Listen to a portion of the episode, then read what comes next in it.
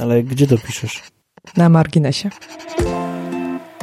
Czyli wszystko to, co nie mieści się w dużym odcinku 2 edu, a zasługuje na uwagę. Dzień dobry. Dzień dobry, dzień dobry i dzień dobry. Hmm. Dzisiaj temat y, trudny albo, albo zupełnie nie, w zależności od tego, jak na niego popatrzymy. W zależności od tego, co tak naprawdę za nim stoi. Ale zanim przejdę do głównego tematu, chcę Wam powiedzieć, że wczoraj zrobiłem pierwszego live'a. E, mówiłem o Articulate Rise i umówiliśmy się na następny poniedziałek na kolejnego live'a, gdzie będę mówił trochę o ćwiczeniach, które można zbudować w Rise'ie. E, zbiorę sobie kilka przykładów tych ćwiczeń i pokażę Wam, jak te ćwiczenia zbudować. Mm, I no mam nadzieję, że takie co poniedziałkowe live'y to się nam przydadzą. W poniedziałek późno wieczorem, pewnie gdzieś 21.30, jakoś tak, bo wtedy e, mam przestrzeń na to, żeby to zrobić. I wczoraj było kilka osób, e, więc fajnie, dziękuję Wam. E, a spotkałem się z jednym problemem. Spotkałem się z problemem przycinającego się audio. Oczywiście myślałem, że to łączę przycina audio, ale okazuje się, że audio przycinało to, że podpiąłem do tego za dobry sprzęt i próbkowanie gdzieś tam się po prostu krzaniło na e, jakby złe ustawienia były tam po prostu zrobione a program, który służy mi do tego, żeby robić te sesje, w ogóle nie ogarniał tego, że może być inne próbkowanie. No i w ogóle taka historia, ale przez to się nauczyłem, że trzeba sobie takie rzeczy też sprawdzić, a nie tylko podpiąć i czekać na to, że się coś wydarzy, no nie? No bo się nie wydarzy. I teraz e, temat, temat na dzisiaj. Temat na dzisiaj jest taki, że. Mm, od jakiegoś czasu zauważam taki, e, taki podział na mm, e-learning korporacyjny i e-learning niekorporacyjny i e-learning robiony indywidualnie dla indywidualnych ludzi i e-learning robiony e, nieindywidualnie dla ludzi nieindywidualnych.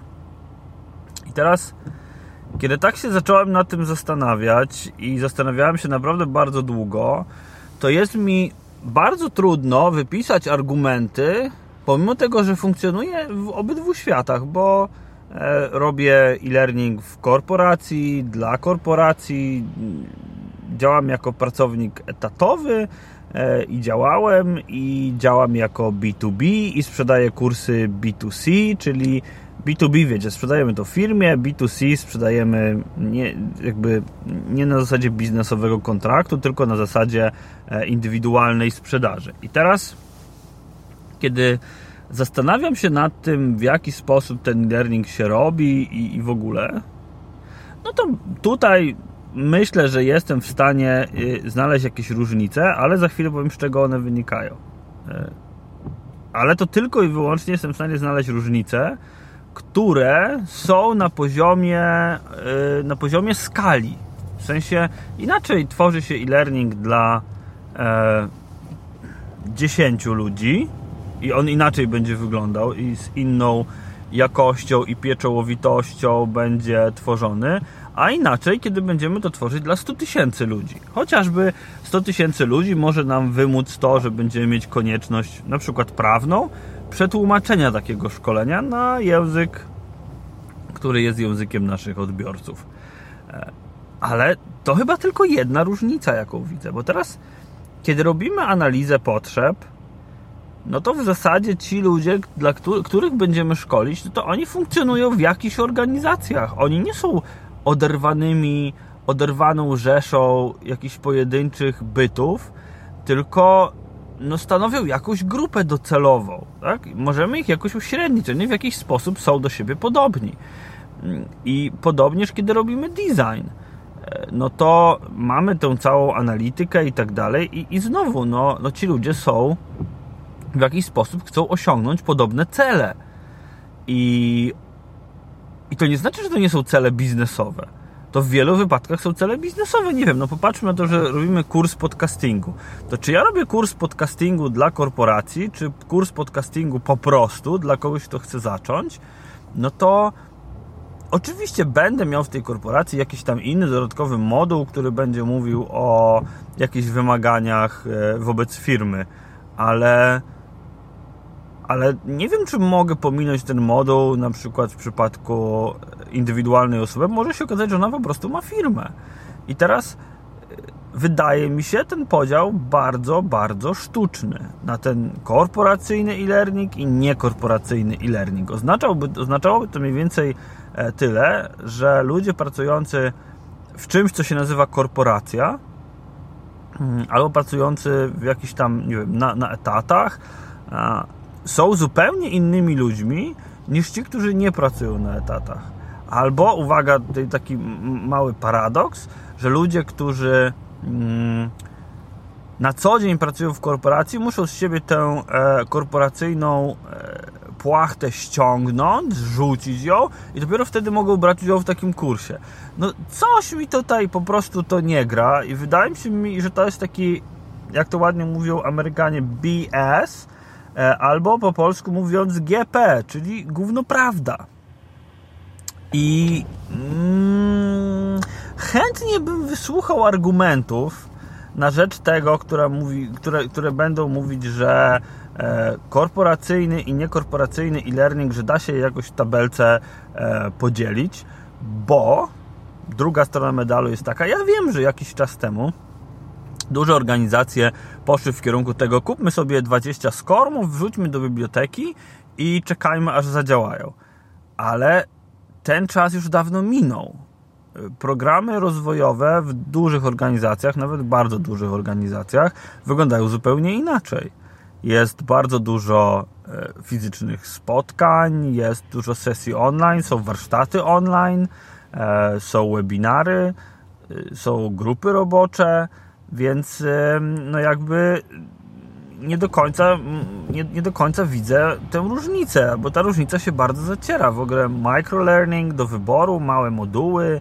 E, no, no nic, no, no, czekam na wasze, na wasze, na, na, na wasze mm, komentarze, bo no ja tutaj nie widzę, nie, nie widzę różnicy, ale może akurat w tym momencie nie dostrzegam ich, bo mam za małą wiedzę w tym zakresie i chętnie dowiem się od Was, chętnie dowiem się od Was więcej.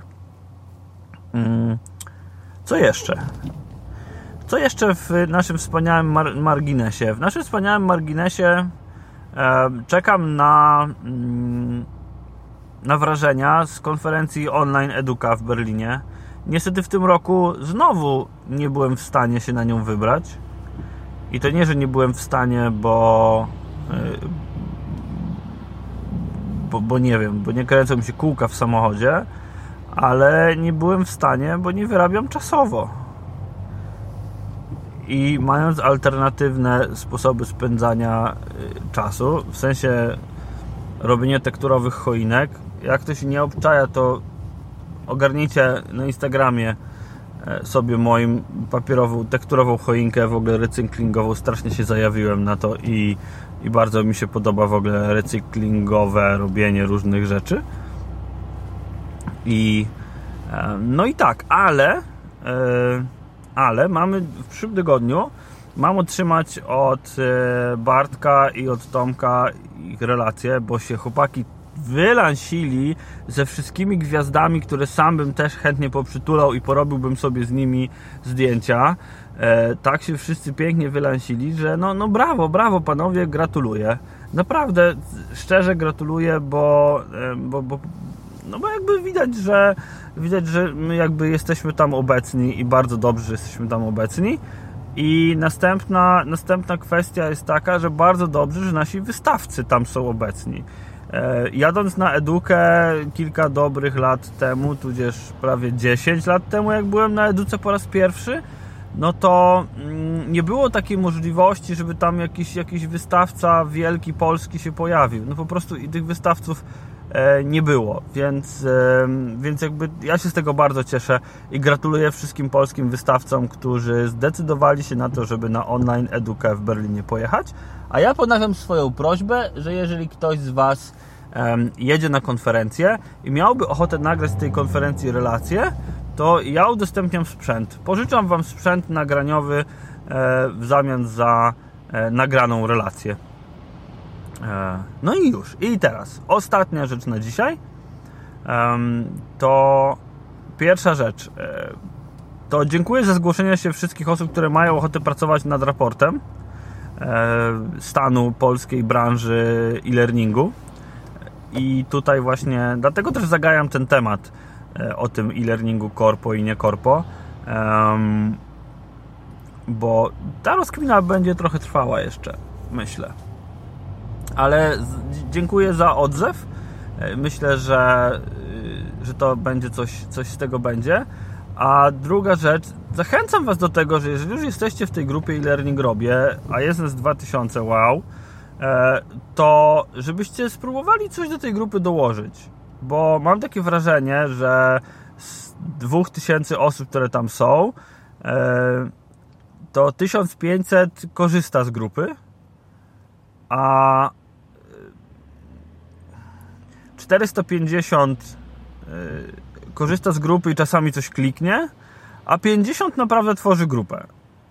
I, I mam do Was prośbę, żeby się po prostu zaangażować. Chociażby kliknąć, kliknąć kropkę, E, zalajkować, poszerować, podrzucić w grupie to, co zrobiliście, albo e, co znaleźliście. Może czytacie jakieś artykuły, słuchacie podcastów, oglądacie jakieś materiały wideo. To nie musi być wszystko związane e, tylko i wyłącznie z e-learningiem, bo, bo tworzy się nam taka grupa QA, tworzy się nam taka quora.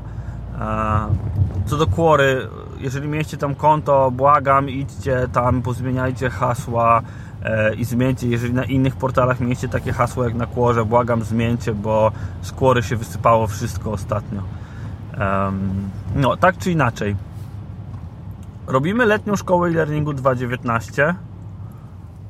Robimy raport o stanie polskiej branży e-learningowej, może trochę o cenach, może trochę danych z firm, E, uda się nam e, w jakiś sposób wyciągnąć. Może jakieś opinie ludzi, którzy wdrażają e-learning w różnych firmach. E, pokażmy, jakie szkolenia robimy e-learningowe. Pokażmy, jakie są narzędzia.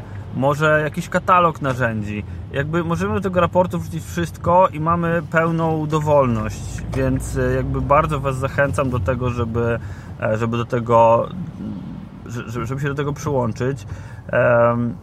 I, i co?